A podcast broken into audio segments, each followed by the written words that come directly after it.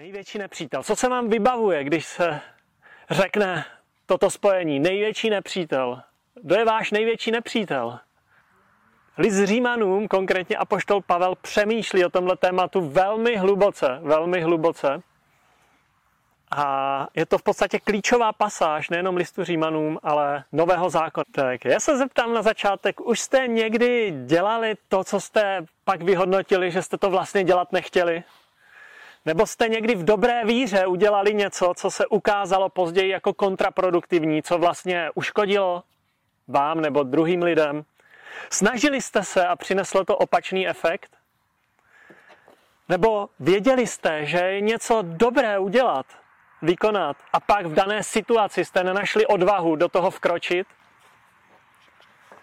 I když jste věděli, že byste měli? Nebo jste se řekli, toto už nechci nikdy opakovat v životě. Nebo toto, to, nechci opakovat to, co dělali vůči mě druzí lidé, ať už to byli rodiče, kamarádi, přítel. A pak jste se přichytili při tom, že to stejně děláte.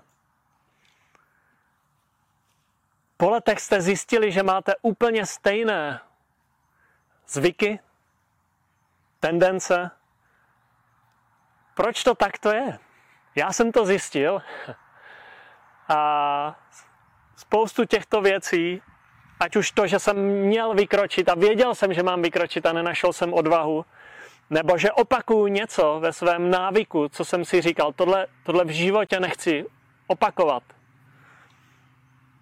Všechny tyto a podobné situace ukazují, že tím největším nepřítelem jsem já sám, sobě samému. Já sám sobě jsem největší nepřítel. A Pavel v listu Římanům ukazuje tenhle vnitřní zápas tak jako hole a otevřeně. Je to vnitřní zápas s naší vlastní přirozeností, s našimi vlastními tendencemi, s našimi vlastními návyky. A nový zákon, a list Římanům to nazývá buď tělesnost, řecké slovo sarx, nebo vlastní přirozenost, nebo tělesná přirozenost, nebo hříšná přirozenost. A my se zamyslíme nad tímto tématem, ale pak taky se zamyslíme nad svobodou, novou svobodou, kterou můžeme získat. Od nás samotných, od těch špatných tendencích v nás. Pavel opravdu podává geniální popis tohoto zápasu, který se odehrává i v jeho nitru. Věřím, že on popisuje něco, co se děje v něm, a i když to byl zralý muž, dospělý muž, zralý křesťan, příklad křesťanství, tak popisuje tenhle vnitřní zápas. Budeme procházet Římanům sedmou kapitolu a krátce osmou. Nebudem to číst celé, je to uh, obsáhlá pasáž, ale aspoň některé úryvky, aby jsme vnímali tady tento vnitřní zápas. Nejdříve Římanům 7, čtvrtou, čtvrtý až osmý verš. A já budu číst ze studijního překladu, protože on je hrozně jako dobře v téhle pasáži vyjadřuje právě to slovo sarx, řecké slovo, tím překladem tělo, tělesná přirozenost, zákon. Takže můžeme se zaposlouchat do této pasáže z listu Římanům. Právě tak, moji bratři, jste i vy zemřeli zákonu skrze tělo Kristovo, abyste se oddali jinému, tomu, který byl vzkříšen z mrtvých, abychom přinesli ovoce Bohu. Neboť když jste byli v těle, je to slovo sarx, lidská přirozenost, působili v našich údech hříšné vášně probouzené zákonem, aby přinesli ovoce k smrti. Nyní však jsme byli zproštěni zákona, když jsme zemřeli tomu, čím jsme byli pevně drženi. Takže nyní sloužíme v novotě ducha a ne ve zvětšelosti litery. Slovo zákon se vyskytuje v Římanům 7, 7. kapitole až 8, 3, 4, dohromady 27krát. Je to nabité tím. A je zajímavé, že slovo duch, jako boží duch, který se v prvních sedmi kapitolách vyskytuje se jednou v první, jednou dvakrát v šesté, sedmé, najednou pak v osmé kapitole dvacetkrát. Duch versus zákon. Je to sedmá, osmá kapitola, je nabitá tímto eh, tímto zápasem, tímto paradigmatem, tímhle napětím. Duch zákon, duch lidská hříšná přirozenost. Slovo zákon se tady vyskytuje ve třech formách. První je zákon hříchu. To spojení, zákon hříchu, říká Pavel. A je to zákon, který působí skrze naši přirozenost, skrze tělesnost, který nutí člověka dělat to, co není dobré. Dělat to, co vlastně dělat nechce. Co jde, proži, co jde vyloženě proti božímu charakteru, proti boží přirozenosti a jeho ustanovením. To je zákon hříchu. Další zákon, který tady se vyskytuje, je zákon ducha života v Kristu Ježíši. Zákon ducha života. A tento zákon nás naopak osvobozuje od předešlého, od zákona hříchu a smrti. A už v tom termínu zákon hříchu, zákon smrti a zákon ducha života je cítit ten protiklad. Už v těchto názvech je vidět to, jak, jak to je absolutně protikladné. Jak to nejde skloubit. Duch hříchu a smrti, duch života v Kristu Ježíši. A třetí spojení zákona v této pasáži, které tam najdeme, je boží zákon. A tento zákon je odrazem boží spravedlivé přirozenosti. Je, je zjevením božího charakteru. Je, díky této boží přirozenosti je, je přinesen zákon, který by měl být i měřítkem lidského chování. Není to zákon pro nic za nic, je to něco, co naprosto odráží boží přirozenost, boží, boží podstatu. A my se v předešlých kapitolách listu Římanům dozvídáme po Pavlově precizní argumentaci a důkazném materiálu, tak je to, je to trošku i právní list, list Římanům. A dostaneme se ještě k tomu, že nikdo z, toho, nikdo z lidí není schopen tento boží zákon naplnit. Ani jeden, Pavel říká, nikdo, není nikoho, kdo by mohl naplnit ten boží zákon. Proč? Protože nikdo z lidí není schopen žít boží přirozenost, boží charakter. Prostě boží přirozený charakter je, je nám vzdálený. My nejsme bohové. Nejsme Bůh nemáme na to žít boží přirozenost sami od sebe. A to dokazuje Pavel v prvních 6-7 kapitolách. A v této sedmé kapitole Pavel postupně ukazuje, že zákon je tady proto, aby usvědčil člověka, ať už věřícího, nevěřícího, kohokoliv, ze špatného jednání. To je jedna role zákona. Další role, nebo to, co ukazuje o zákonu, tak říká, zákon nedokáže věřícího vysvobodit ze zajetí hříchu. Samotný zákon nedokáže. Je bezmocný. Není v něm vysvobození. Není v něm, i kdybychom se snažili ho naplňovat ze všech sil, tak není tam to vysvobození. Není tam ta cesta, která vede ke svobodě. A ze zajetí hříchu. A taky říká, že zákon sám o sobě nemůže věřícího odsoudit. To je hodně zajímavé, k tomu se dostaneme za chvilku. A na začátku 8. kapitoly se pak dozvídáme, že jen ten věřící, který chodí v moci ducha, může zákon naplnit. Čili je tady moc naplnit ten zákon, tu, a co je ten zákon, jak jsme to definovali, boží přirozenost, je tady ta moc chodit ve svobodě,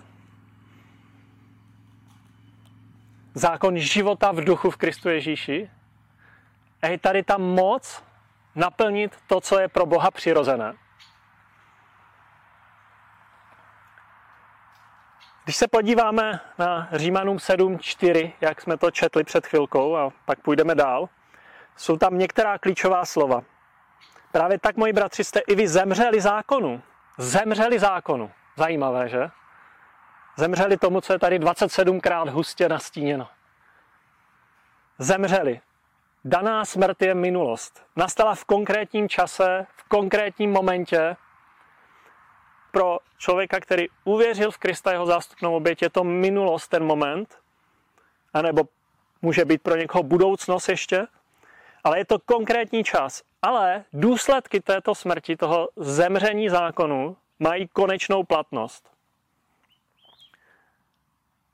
Zemřeli jste zákonu, abyste se oddali jinému, tomu, který byl zkříšen z mrtvých. A tak, abyste přinesli ovoce Bohu.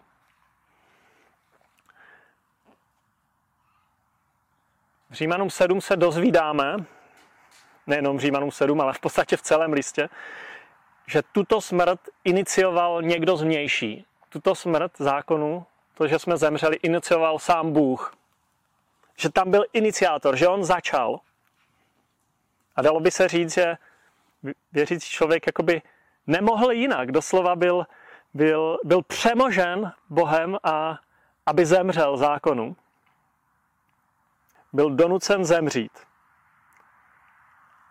A nemohl odolat nabídce života v duchu v Kristu Ježíši, když použiju ty biblické termíny.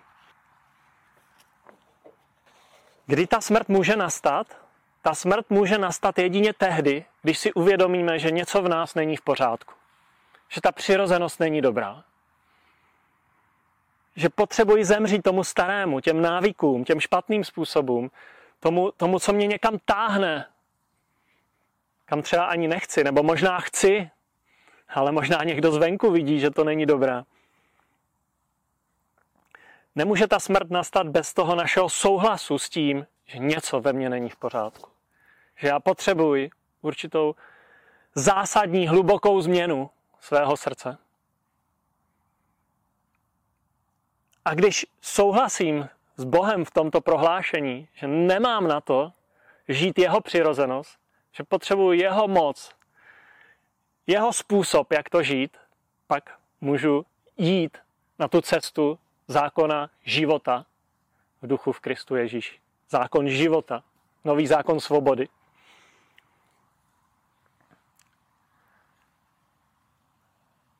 Když člověk uvěří v Božího syna, v jeho zástupnou oběť, jeho milost, který smazává mou špínu, Bůh pak působí, že jsem mrtev ve vztahu k odsouzení a odplatě zákona. Ve vztahu trest za, můj, za moje špatné činy. Jsem svobodný od důsledků, od trestu. A proto Pavel pak na začátku 8. kapitoly radostně zvolává. Teď už není žádného odsouzení pro ty, kteří jsou v Kristu Ježíši. Není žádného odsouzení. Tady je ten velmi právní termín. To slovo odsouzení je pouze třikrát v Novém zákoně, pouze třikrát v listu Římanům a nejvíc tady. V 7. a 8. kapitole. Čili už se na tebe nevztahuje ten právní zákon, boží právní zákon který je dán naprosto dokonalým čistým božím charakterem.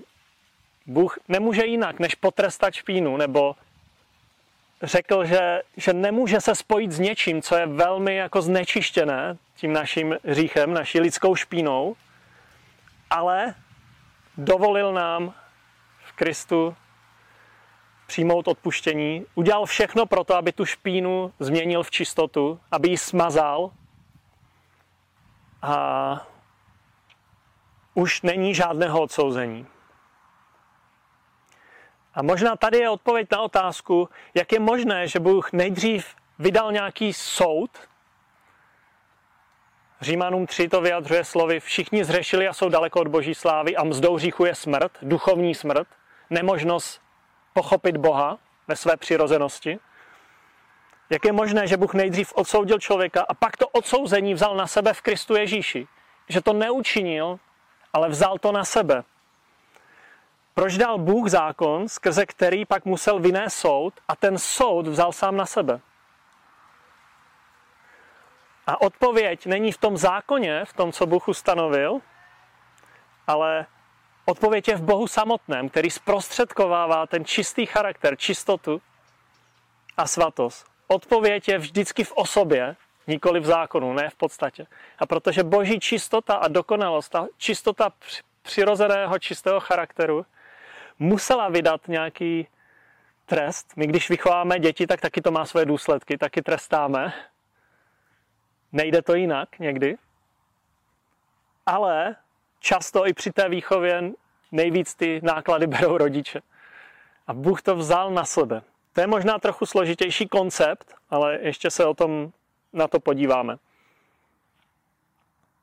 Čili není žádné odsouzení. Proč? Protože se nevztahuje už na věřícího, který si uvědomil, že potřebuje boží proměnu, že není něco v něm v pořádku, nevztahuje se odsouzení.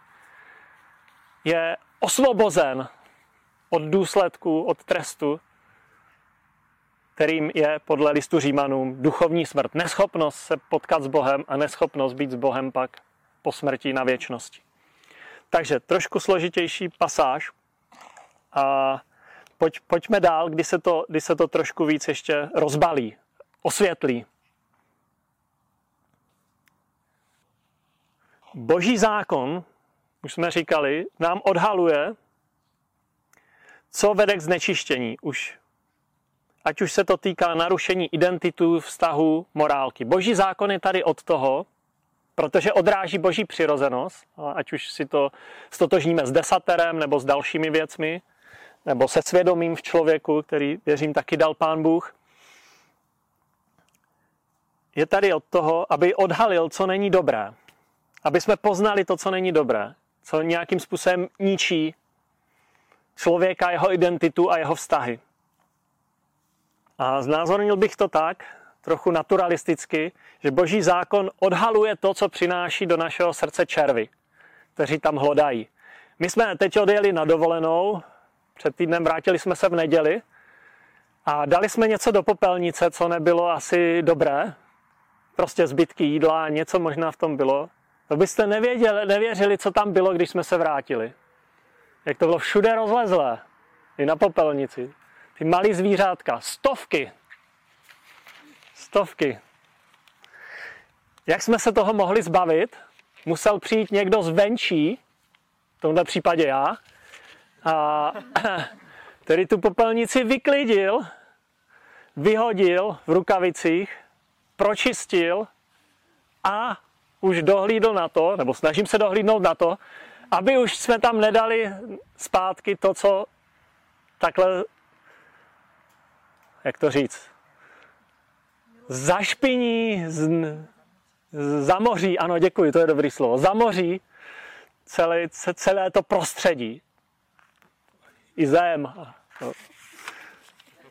Podobně, pokud jste uh, zahradníci nebo chovatelé ovoce, když máte bednu jablek, jo, když sklidíme jabky nebo, jabka nebo švesky, a jedno jabko je tam nahnilé, přijedete po 14 dnech nebo třech týdnech, je najednou to jabko dobré a čisté od těch ostatních jablek?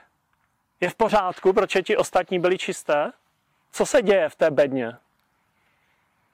Ostatní to chytli.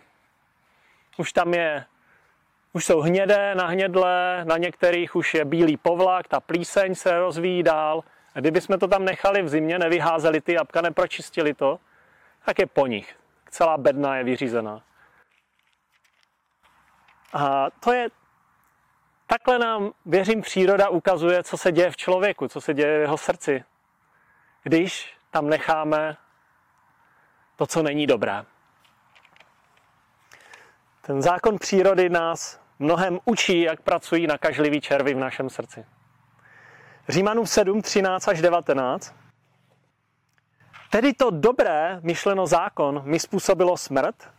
Naprosto ne. Ale hřích, aby se ukázal jako hřích, působil mi tím dobrým smrt, aby se hřích skrze přikázání stal nad míru hříšným.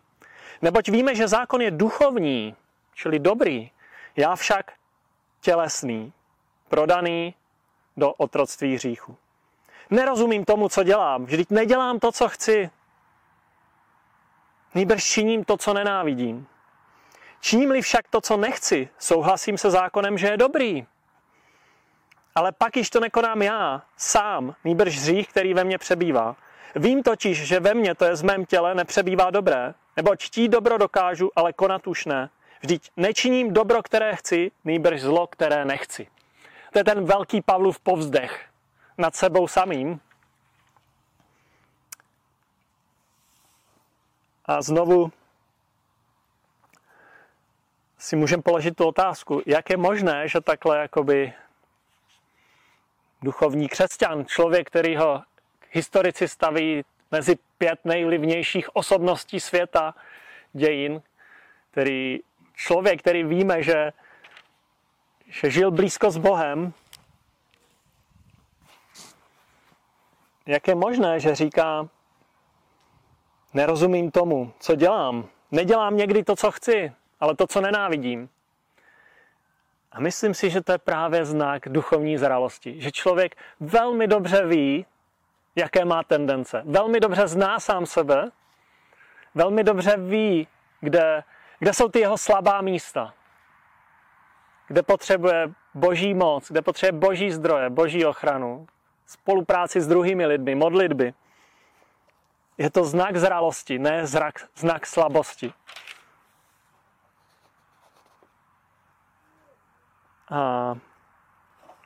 Pavel rozuměl tomu zápasu s tím vnitřním nepřítelem, s tím svým jáctvím, svým sobectvím. A myslím si, že toto je velmi důležité, velmi důležité tomu porozumět. A velmi důležité porozumět svým slabostem v životě, svým sklonům. S Michaelem, který nám bude přednášet teďka od zítřka, od úterka možná, ale zítra už ho uvidíme na, na, na společné konferenci na letním pobytu v Malenovicím, jsme se bavili o, o DNA, o tom, jak je to zachycené v DNA. On říkal, jeden příklad, no, víš, můj dědeček pašoval whisky. A stejně jako jeho, a co to byl, vnuk, ne? Když je strýc někoho, někoho, synovec, synovec. Oni pašovali whisky, jo, v tom, v tom období. Jednak ji teda vyráběli, pašovali. Oba zemřeli na, na, na špatná játra, protože byli alkoholici z toho. A já jsem varoval moje děti, jako můj tatínek proto nikdy nepil alkohol. U nás alkohol nesměl být doma. Jako, protože znal tu rodinou, znal tu rodinou anamnézu. Jo, a říká, a já říkám svým synům, prostě dejte si pozor, to je, to je prokletí naší rodiny, je to tam. Je to v naší přirozenosti, je to v našem DNA. A to je něco, co se, co se je něco v nás, co se i předává z generace na generaci, protože jsme to třeba 20-25 let viděli velmi zblízka. A dost často to tak je, že kdo zakusil znětlivé a nátlakové prostředí, bude v určitých situacích, kde je stres, kde není pohoda, kde je napětí, bude reagovat znětlivě a nátlakově. Kdo zakusil oddělenost a ne- nezdílení pocitů, bude se oddělovat a nezdílet pocity. Kdo zakusil ponižování a sarkazmus, v krizových situacích, kde je napětí ve stazích, většinou použije něco ponižujícího nebo sarkastického. Kdo zakusil podraz, rozchod, nebo prostě zradu, ať už to byli rodiče nebo někdo blízký, pravděpodobně bude velmi opatrný v životě, v lidských vztazích, mezi lidských vztazích. A dost často z těchto důvodů neumíme být trpěliví s lidmi, že? Neumíme čekat na boží práci, protože jsme to sami nezakusili v životě. A jako znát svoje slabosti, znát slabosti i naší rodiny je je důležité pro nás. Jak tomu čelit pak? Proto, abychom už činili dobro, které chceme a nečinili zlo, které nechceme. A kdybych použil tu předoš, předešlou ilustraci a pro následující pasáž, kdo mě vysvobodí od mých červů? Verš 24 já nešťastný člověk, kdo mě vysvobodí z těla mé této smrti. 25. Bohu buď díky skrze Ježíše našeho pána. Jedině Bohu buď díky. A kapitola 8, první čtyři verše. Tady je to radostné zvolání, které už jsme uh, dneska jednou četli a kterým za, začínáme, nebo jdeme do svobody nové téma svobody, které najednou v té osmé kapitole tak tryská ze všeho. Nyní tedy není žádného odsouzení pro ty, kteří jsou v Kristu Ježíši a nechodí podle těla, ale podle ducha. Vždyť zákon ducha života v Kristu Ježíši mě osvobodil od zákona hříchu a smrti. Neboť co bylo zákonu nemožné, protože byl bezmocný kvůli tělu, to učinil Bůh, když poslal svého syna v podobnosti těla hříchu a jako oběť za hřích a odsoudil hřích v těle, aby byl požadavek zákona naplněn v nás, kteří nechodíme podle těla, ale podle ducha.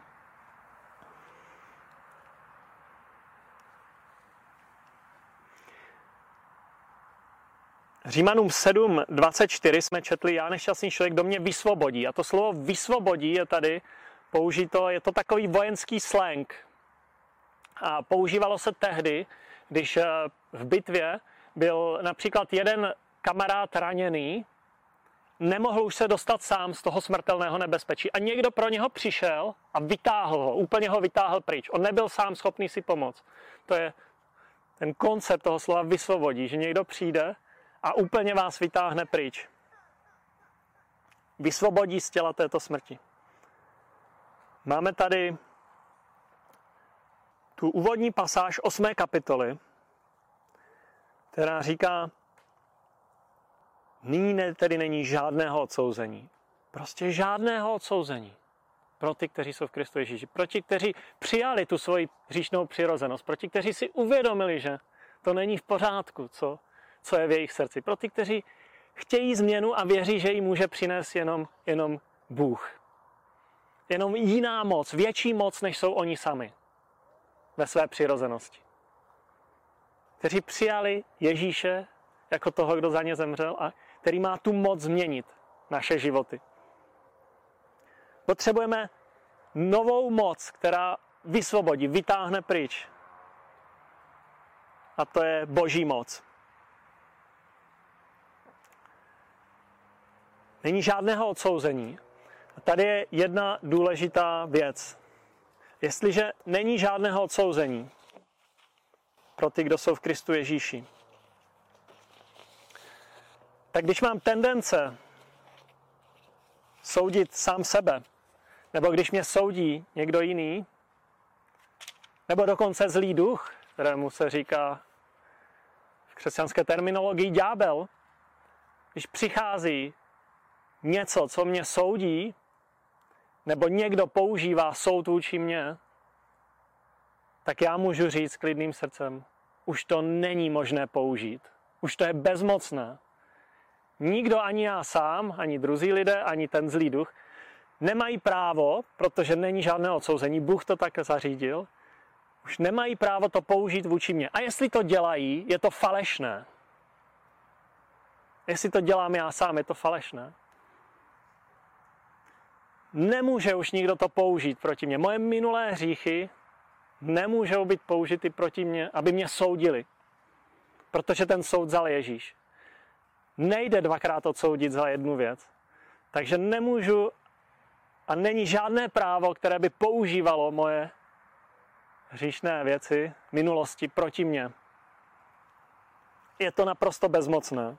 A to si myslím, že je hrozně dobrá aplikace to pro praktický život. Když toto budeme vnímat, mít před očima, připomínat si to.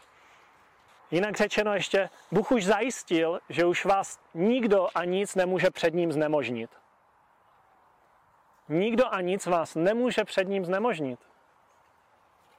Není to skvělá zpráva?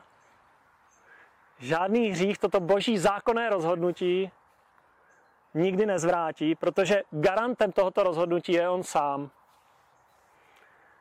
jeho dokonalá přirozenost, jeho dokonalá přirozenost. On jako osoba je garantem tohoto očištění teď a navždy. Římanům 8.3 Neboť to, co bylo zákonu nemožné, protože byl bezmocný kvůli tělu, tělu to učinil Bůh, když poslal svého syna. To, co bylo zákonu nemo, nemožné. Proč? Kvůli tělu, kvůli naší přirozenosti. Ten zákon nikdy nemůže vypůsobit změnu. Tady to je jasně řečeno. To, co bylo zákonu nemožné kvůli tělu, kvůli lidské přirozenosti, kvůli tomu sarksu. Takže na druhou stranu, když to je nemožné, tady ten verš může mít obrovský dopad totiž do našich vztahů.